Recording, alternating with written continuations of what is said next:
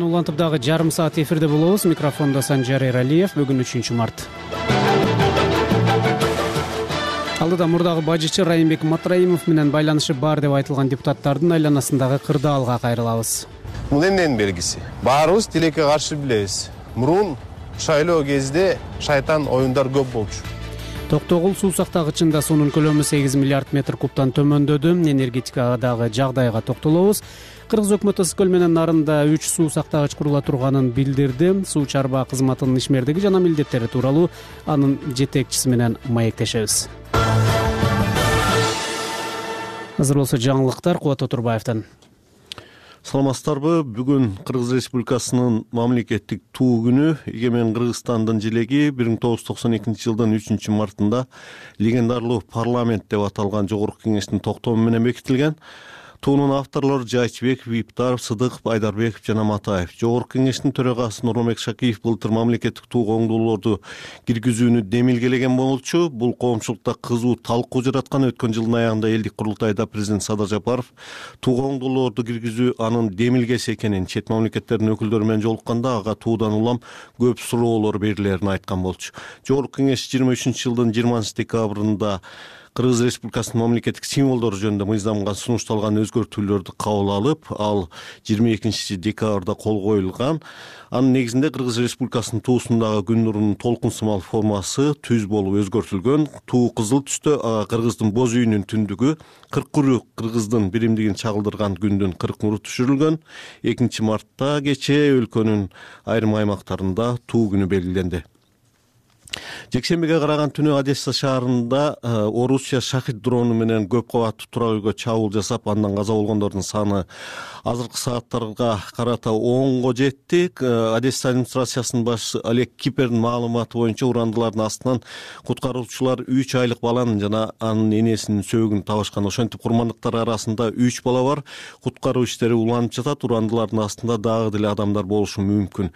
Бүгүн үчүнчү мартта одессада аза күтүү күнү деп жарыяланды пилотсуз учактын чабуулунан тогуз кабаттуу турак үйдүн бир ыптасы толугу менен талкаланып кулап түшкөн. Бул үйдөгү он сегиз батир толук кыйрап дагы жети батир э, жабыркаган украинанын президенти владимир зеленский одессадагы сокку тууралуу комментарий берип жатып дүйнө террорго каршы турушу керектигин абадан коргоо үчүн өнөктөштөрдөн э, коргоо каражаттары көбүрөөк зарылдыгын айтты украинанын коргоо күчтөрүнүн маалыматына караганда экинчи мартка караган түнү орус армиясы одесса областына шахид тибиндеги сегиз дрон менен кол салган алардын жетөө атып түшүрүлгөн кыргызстанда мындан ары мектеп директорлугуна сынактар жаңы эреже менен өтөт. Билим берүү жана илим министрлигинин маалыматы боюнча азыркы тапта өлкөдөгү үч жүз жетимиш беш мектептин директорлору милдетин убактылуу аткарып жатышат. Эми жаңы эреже боюнча директордун бош кызмат ордуна жети жылдан кем эмес үзгүлтүксүз педагогикалык тажрыйбасы бар жарандар катыша алат.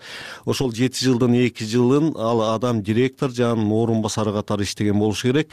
Директорлукка катышуучу талапкердин жаш курагын алтымыш беш жашта болушу керек деген чектөө алынып салынды. Ошол эле маалда бир эле адам мектепти беш жылдык мөөнөт менен эки жолудан ашык башкача айтканда он жылдан көп убакытка башкара албайт сынакка соттолгон адамдар катыша албайт сынакта документтердин экспертизасы жана компьютердик тест болот жана ал сексен суроодон турат тесттин үлгүлөрү эртең төртүнчү марттан тартып талапкерлерге берилет. Кыргызстанда эки миң үч жүз элүүдөй мектеп бар. Аларда болжол менен бир жарым миллионго жакын окуучу билим алат. Жалпысынан жетимиш төрт миңге жакын мугалим билим берет америка кошмо штаттарынын мурдагы президенти дональд трамп миссуриде өткөн республикалык партиянын шайлоочулар чогулушунда жеңишке жетти.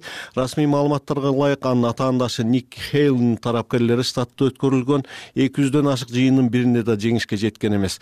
Трамп ошондой эле республикалык курултайга делегаттарды тандаган мичиган штатындагы партиялык жыйындын катышуучуларынын токсон пайызынан ашык добушун алган. Буга чейин ал ушул эле штатта праймеристе ишенимдүү жеңишке жеткен болчу. Трамп буга чейинки баарында жеңишти жылоолоп келатат. Эксперттер суперби шейшемби деп аталган бешинчи марттагы дароо он алты жерде өтө турган добуш берүүдө да ал ийгиликке жетет деп болгулоп турушат. Көпчүлүк сурамжылоолорго ылайык дональд трамп эки миң жыйырманчы жылдары эки миң жыйырманчы жылы шайлоодо утулуп калган азыркы президент джо байденден бир аз алдыда келе жатат ак суу районунун сырт аймагындагы эңилчек айылындагы мектептин чатырынан э, үчүнчү мартта эртең мененки саат тогузда өрт чыгып анын кесепетинен мектеп дээрлик күйүп кетти. Президенттин ыйгар мукут өкүлүнүн басма сөз кызматынын кызматынан билдиришкендей өрт учурунда имаратта адамдар жана окуучулар болгон эмес. Мектепте жыйырма үч окуучу билим алат. Имарат бир миң тогуз жүз сексенинчи жылы кыштан курулуп анын ичинде төрт класс мугалимдер бөлмөсү ашкана жана жыйындар э, залы бар болчу. Окууну үзгүлтүккө учуратпоо максатында мындан ары балдар айыл өкмөтүнүн имаратында убактылуу билим алышат деп маалымдашты облустук бийлик өкүлдөрү рахмат э, кубат отурбаевден уктуңуз жаңылыктарды кабар макалалардын толук топтому азаттык чекит орг сайтында ошондой эле биздин социалдык тармактагы баракчаларыбызда бар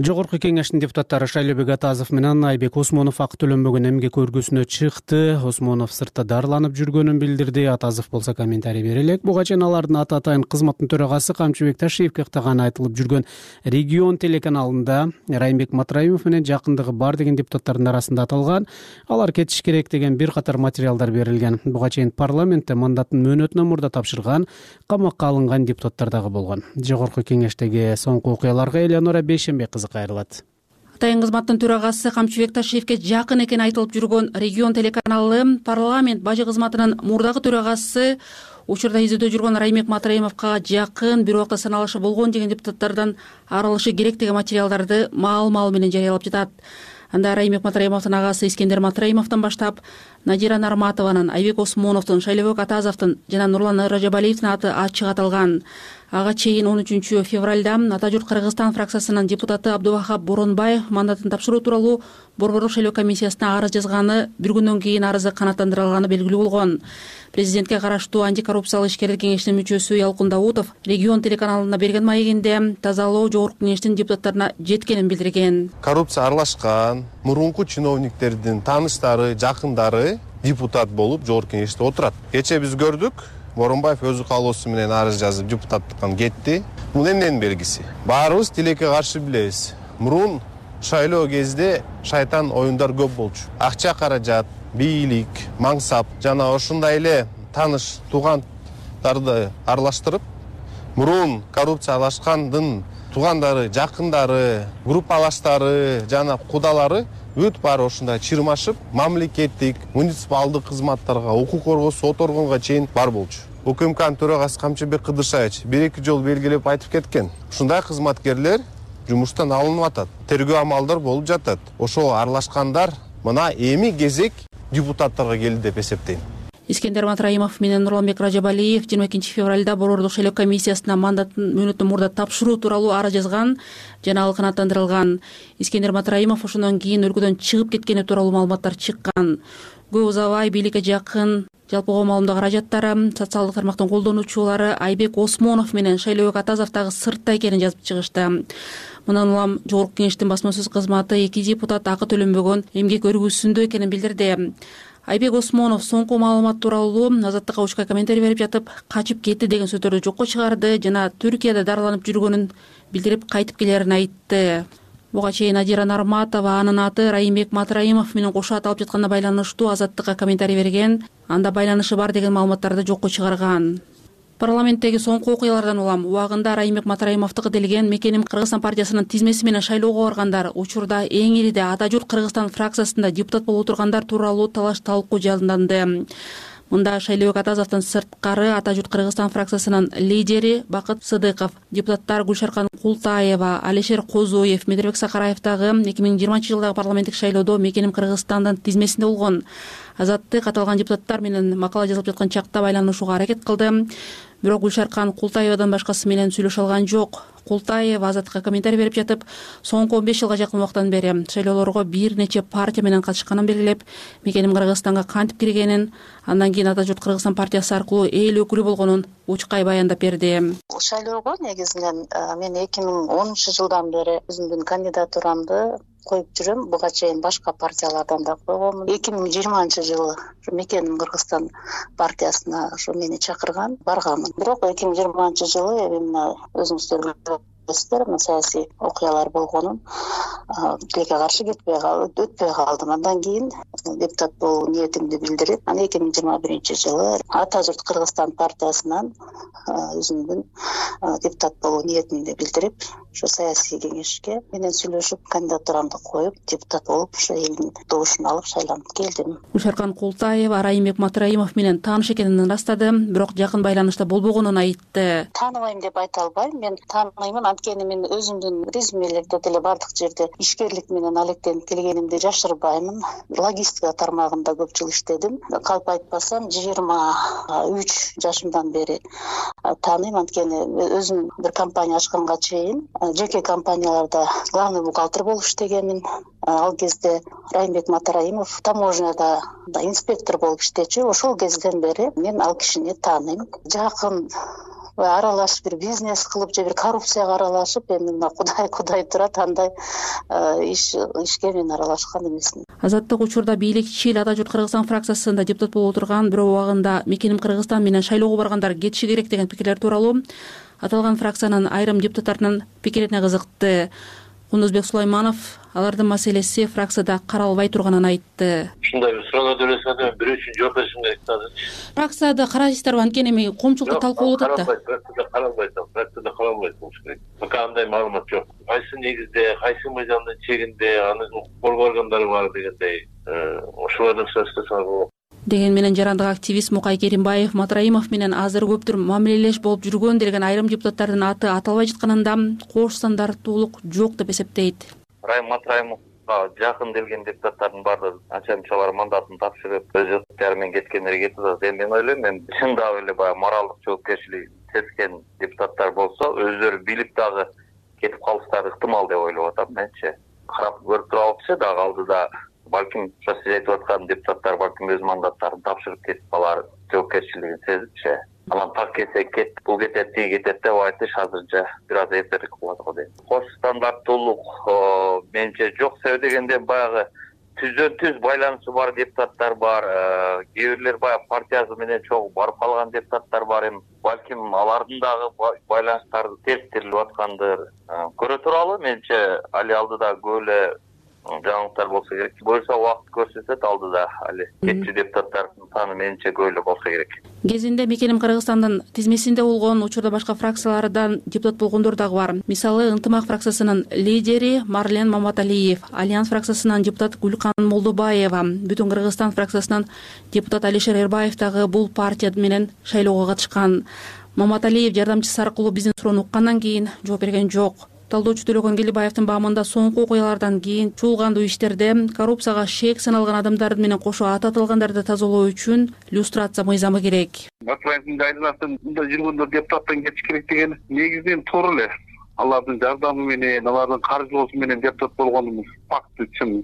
Бирок аларды э, кетиш керек деген сөз менен эле э, алар кетип калбаш керек да анын кетиштин жолдору. Эгерде алардын үстүнөн кылмыш иши козголсо мыйзамдуу болот мунун баардыгын мыйзамдаштырыштын жолу бул люстрация мыйзамын кабыл алыш керек. Ошондо гана баардыгына чектип коюлат ошондо гана баардык орду ордуна түшөт ага чейин сен кет мен кет бул кетсин деген сөз менен э, кыргызстан оңолбойт мындан кийин деле кайра эле азыркы бийлик мөөнөтү бүтүп кеткенден кийин кайра эле азыркы ошо кеткен адамдар кайра келип алышы мүмкүн сотто кайра акталышы мүмкүн конфискация болгон мүлктөрүн кайра кайтарып алышы мүмкүн. Болот ошон үчүн баардыгын люстрация мыйзамын кабыл алышыбыз керек. Коррупция боюнча аралашкандар анабыздын жакындары бир туугандары үй бүлө мүчөлөрү депутат мамлекеттик кызматка аралашпайт деген талаптарды киргизишибиз керек. Эң жакшы люстрация мыйзамды кабыл алыш керек дагы ошондо кимдер кетиш керек ошонун баардыгы жазылыш керек. Ошондой эле парламент дагы кыргызстандын бийлиги дагы тазаланат. Жогорку кеңештин азыркы чыгарылышында депутаттар камалган учурлар дагы катталды. Альянс фракциясынан депутат болгон эмил жамгырчиев өткөн айда кармалып ушул айдын башында кайра үй камагына чыккан.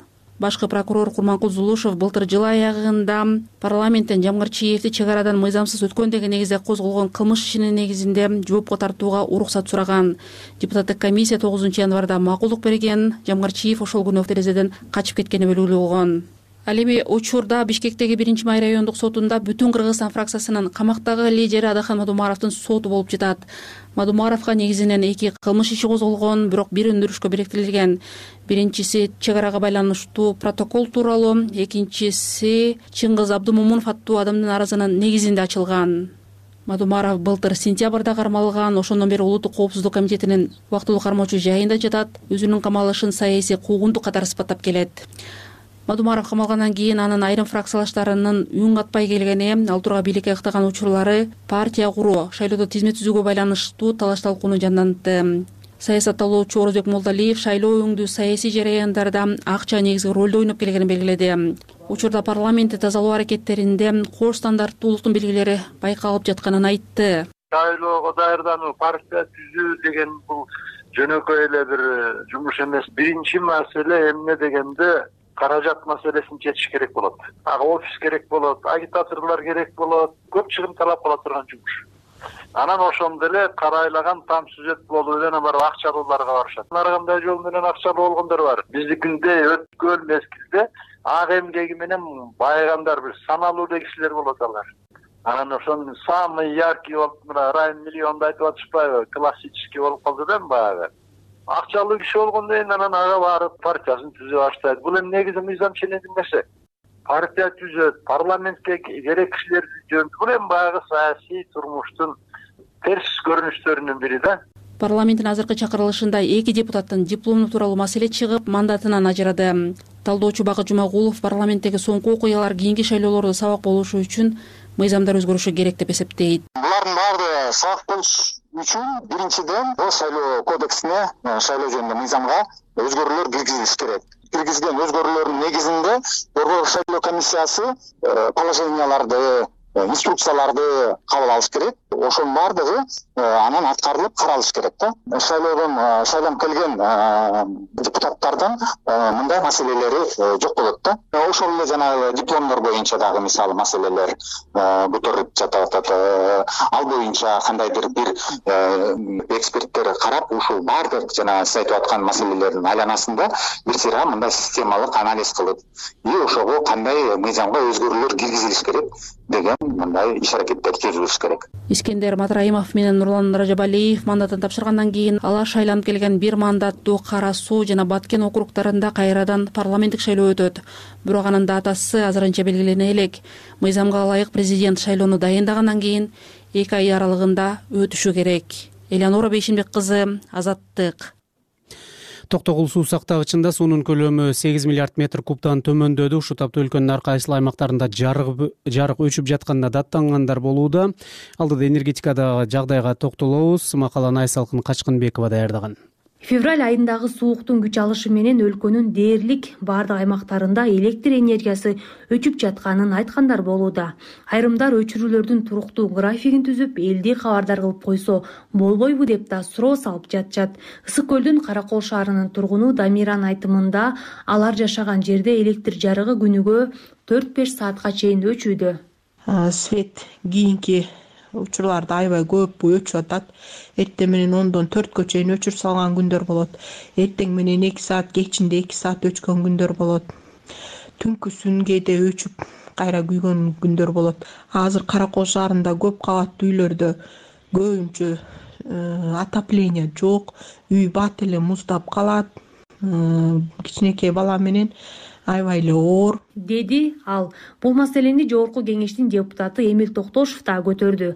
Ал алдын ала эскертүү берилбегени үчүн министрликти сынга алды акыркы күндөрү баардык жерде эле свет өчүп калып атат. Мен айтат элем ушул министрликтин маалымат кызматы барбы же жокпу? Булар эл менен иштейби иштебейби. Эмне үчүн убагында маалымдабайт? Болбосо мен жарандарга айтып кайрылат элем силер дагы анда сотко бериңиздер.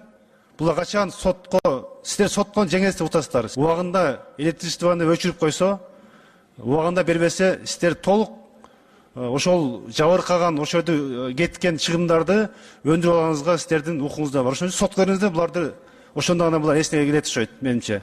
Унчукпай эле өчүрүп коет азыр канча көп жерде өчүп атат деди депутат токтошов. Улуттук электр станциялар ишканасынын басма сөз кызматкери эзада саргашкаева катуу суу куланып жаткандыктан электрди керектөө көбөйгөнүн тармакка күч келип жатканын билдирди. Электр энергиясын ашыкча пайдалануудан тармактагы авариянын алдын алуучу коргоо системасын иштеп жарык өчүп калууда. Аны энергетиктер жандыргыча бир бир жарым саат убакыт керек болот дейт ал. Негизинен э, биздин компания кыргызстан улуттук электр тармагы ачык акционердик коому күз кыш мезгилине жакшы дайындык көргөн мындай чоң жүктөмдөргө дайындык бар болчу. Бирок ушу февраль айынын акыркы күндөрүндө катуу суук болуп кетти. Ага байланыштуу дагы баягы биздин калк көмүрү түгөнүп баягы кайра көмүр сатып албастан ушу көбүн эсе электр жабдыктар менен үйлөрүн жылыта башташты да. Анан бир эле учурда көп жабдыктарды сайып алганда өзгөчө ушу эртең мененкисин же болбосо кечкисин бизде линияларда нагрузка болуп ошо жабдыктарыбызга күч келип өчүп калып атат да. Деди саргашкаева электр жарыгынын өчүп жатышына электр шаймандарынын эскилиги жетип жапырт колдонулган күчтү көтөрө албай жатканын кара колдун тургуну бакыт мамаев айтат. Ал жарандар кырдаалды түшүнүү менен кабыл алып бир сааттык өчүрүүгө чыдап туруш керек деген пикирде. Булардын эгерде мындай разгрузка кылбаса бирок чындап эле свет таптакыр трансформатор жарылып кетсе стройдон чыгып кетсе биз бир саат эмес бир айлап светти жоготуруп калыш да мүмкүн экенбиз да пока ошо жаңы трансформаторлор келмейинче заменага. Анан биздин өкмөт ошол жаңы трансформаторду качан берет? Эмне кылат аны да бир кудай билет. Ошондуктан менен туура бир чети неудобно болуп атат. Бирок эртеңки күндү деле ойлош керек го деп мындай мен бул жеке өз пикирим бир сааттан өчкөн эле туура эле го эмче такыр бир айлап свет жоготургандан көрө. Дейт мамаев соңку маалыматтарга таянсак токтогул суу сактагычында жыйырма тогузунчу февралга карата жети миллиард тогуз жүз алтымыш жети миллион метр куб суу калды. Бул өткөн жылдагы көрсөткүчтөн бир топ аз өткөн жылы ушул учурда сегиз миллиард жүз кырк беш миллион метр куб суу болгону көрсөтүлгөн. Суунун аз топтолушу кыргызстанда электр энергиясынын тартыштыгына алып келүүдө. Кыргызстан таңкы ысыкты жабуу үчүн түркмөнстан өзбекстан жана казакстандан электр тогун импорттоп жатат. Быйыл ага кошумча орусиядан сегиз жүз жетимиш миллион киловаттан ашуун электр кубатын импорттоду. Айсалкын качкынбекова азаттык ысык көл кыргыз өкмөтү ысык көл менен нарында үч суу сактагыч курула турганын билдирди. Суу чарба кызматынын ишмердиги жана милдеттери тууралуу анын жетекчиси алмазбек сокеев менен алдыда интервьюну угасыз суроолорду жазгүл каримова узатат ведомство в конце прошлого года переименовали. Алмазбек мырза өткөн жылдын аягында сиздин мекеменин аталышы өзгөртүлдү. Азыр суу ресурстары айыл чарба жана кайра иштетүү өнөр жайы министрлиги болуп саналат. Эми аны министрлер кабинетинин төрагасынын орун басары жетектейт. Бул мындан ары мекемени өнүктүрүүгө суу көйгөйлөрүнө көбүрөөк көңүл бурулат дегенди билдиреби больше ли начнут внимание уделять водным ресурсам да страны? Водные ресурсы у нас выходят на первый план это не просто ооба азыр суу ресурстары алдыңкы планга чыгууда. Аты эле өзгөргөн жок. Кызматтын ролу жогорулап жатат. Суу чарба кызматы мурда суугат иштери менен гана алектенсе азыр таза суу долбоору менен бирге айылдарды суу менен камсыздоо жумуштары да бизге өтүп жатат. Экинчиден жер астындагы суулар менен алектенебиз. Биздеги баардык дарыяларды да көзөмөлдөйбүз вот мы видим что к сожалению зимой дыйкандар техникалык өсүмдүктөрдү азыраак өстүрүш үчүн сууга суу тартыш болоорун азыртан эле эскертип койсок болобу? Сейчас уже как то предусмотреть это. Будет ли год маловодным или не будет мы э, получим информацию. Суу аз болобу же жокпу акыркы маалыматты кыргыз гидромет апрель айынын башында быйылкы жылга божомолун бергенде гана билебиз. Бирок биз бул божомолду күтүп отурбай. Кандай болбосун эң жаман жагдайды алдын алууга камдануудабыз биз төртүнчү январдан тартып чарбалар аралык каналдарды оңдоп тазалап даярдай баштадык. Күн жылып калган түштүк аймактарда чүй облусунда да бетон иштери жүрүп жатат. Бирок нарын облусунда жана ысык көлдүн айрым жерлеринде дагы эле кар бар суук. Эки миң жыйырма биринчи жылдан бери катуу иштеп көп иштерди аткардык. Раньше почему не проводилось? Бул иштер эмне үчүн мурда жүргүзүлгөн эмес аталган мекемеде иштегениңизге жыйырма жыл болуптур үч жылдан бери жетекчи экенсиз. Демилге болбодубу же акча жок беле? Не было инициативы мотивации? Я думаю все упиралось в средства. Баары каражатка барып такалат эмеспи. Жыйырма жыл мурда иштеп жүргөнүбүздө каражат аз бөлүнгөнү эсимде. Ал кезде техникабызды камдык тетиктер менен да камсыз кыла алчу эмеспиз мы сейчас переживаем засушливый период. Борбор азиядагы баардык мөңгүлөрдүн дээрлик жарымы биздин өлкөнүн аймагында жайгашкан. Биз дарыялардын башатындабыз бирок ага карабастан бир нече жылдан бери суу тартыштыгын сезип келатабыз. Буга эмне себеп? Же кургакчылык болуп атабы? Эгер андай болсо бул канчага чейин созулат? Ну я вам сказал бы первый это две тысячи двадцатый до коронавируса так скажем эки миң жыйырманчы жылга пандемияга чейин бизде пайдаланылбаган жерлер көп болчу. Биз аларды кароосуз калган жерлер деп атачубуз. Башкача айтканда аларга дыйкандар эч нерсе экпейт эле. Учурда дээрлик бош жер калган жок. Азыр эл сугат жерлерге гана эмес кайрак жерлерге да эгин айдайт. Жүгөрү кулпунай малина сыяктуу көптөгөн өсүмдүктөр эгилгени да чоң мааниге ээ алардын баары сууну талап кылат. Жумасына беш жолуга чейин сугарылат мурда буудай эгип келгенбиз. Бирок кандай болбосун шарт түзүп беришибиз керек. Сугарбасак да болбойт. Каналдарды тазалоо бассейндерди скважиналарды куруу аркылуу кошумча суу булактарын издеп жатабыз. Очень многих кыргызстанцев всегда волнует кыргызстандын тургундары кошуналар бизге газ көмүрдү сатып жатса биз эмне үчүн сууну сатпайбыз деген суроону көп беришет айрыкча өзүбүз суу тартыштыгын баштан кечирип жаткан чакта. Казакстан жана өзбекстан менен түзүлгөн келишимдер тууралуу дагы айта кетиңизчи возможно ли? Или возможно как бы получать достойную например оплату да за эту же воду тоже есть возможность только другими способами да? Э, ну как бы вода пока не товар. Это ресурс. Бүткүл дүйнөдө суу азырынча товар эмес ал ресурс. Бирок биз аны кантип колдонушубуз керек бул бекер бериш керек дегенди билдирбейт. Коңшу мамлекеттер сугат түйүндөрү аркылуу бизден суу алса анда алар бул түйүндөргө биз менен бирге кам көрүүгө тийиш. биз азыр кошуналарыбызга салымыңарды көбөйткүлө деп айтып жатабыз. Өткөн маегимде мен бул тармакка казакстан жылына жүз жетимиш тогуз миллион теңге бөлөт деп айткам.